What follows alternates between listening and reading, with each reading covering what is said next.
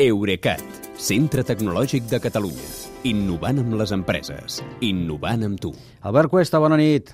Bona nit, Kilian.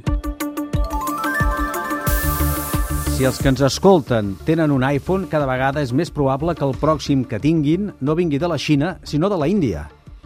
Sí, uh, Apple ha presentat avui la seva primera botiga física a la Índia, uh, en un centre comercial de Bombay.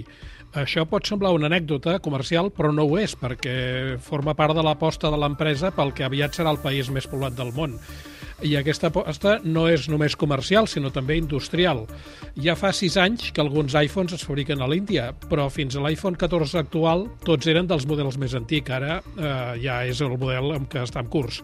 En canvi, eh, Apple ha demanat ara als proveïdors a qui subcontracta la fabricació que accelerin el trasllat de producció des de la Xina amb l'objectiu d'estar fabricant a la Índia la quarta part de tots els iPhones l'any 2025 i la meitat el 2027. Per tant, les comandes d'iPhones passaran d'empreses xineses a empreses índies?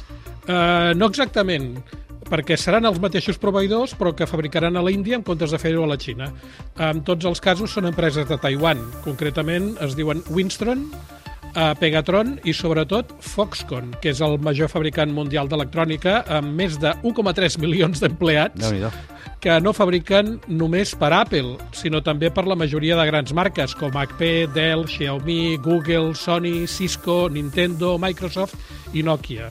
Uh, aquesta Foxconn és propietària també de Sharp i de Belkin i té una aliança amb Tencent per produir cotxes elèctrics. És un gegant que el seu fundador, Terry Gou, és una de les personalitats més populars i més riques de Taiwan, és clar.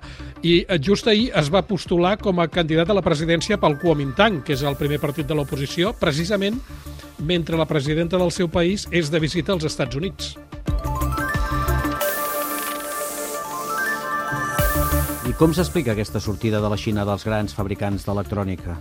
Eh, per una banda, eh, la pandèmia ha demostrat a la indústria que convé no tenir tots els ous al mateix cistell i que cal diversificar. I per l'altra, els vetos tecnològics a la Xina impulsats pels Estats Units i seguits pels seus aliats comencen a fer efecte. Eh, diversos casos, per exemple, Huawei s'ha hagut de diversificar cap a l'energia fotovoltaica i marques com Xiaomi, Oppo i Vivo hauran de fer el mateix perquè cada vegada els costa més fabricar telèfons per manca de components i de maquinària avançada. A més, la demanda global està caient. L'empresa BOE, que a més de ser el boletín oficial de l'Estado, és el fabricant de pantalles més gran de la Xina, sí. va presentar resultats ahir i ha caigut en facturació per primera vegada en 13 anys. Moltes gràcies, una abraçada, que vagi bé. Bona nit, Kilian, fins demà.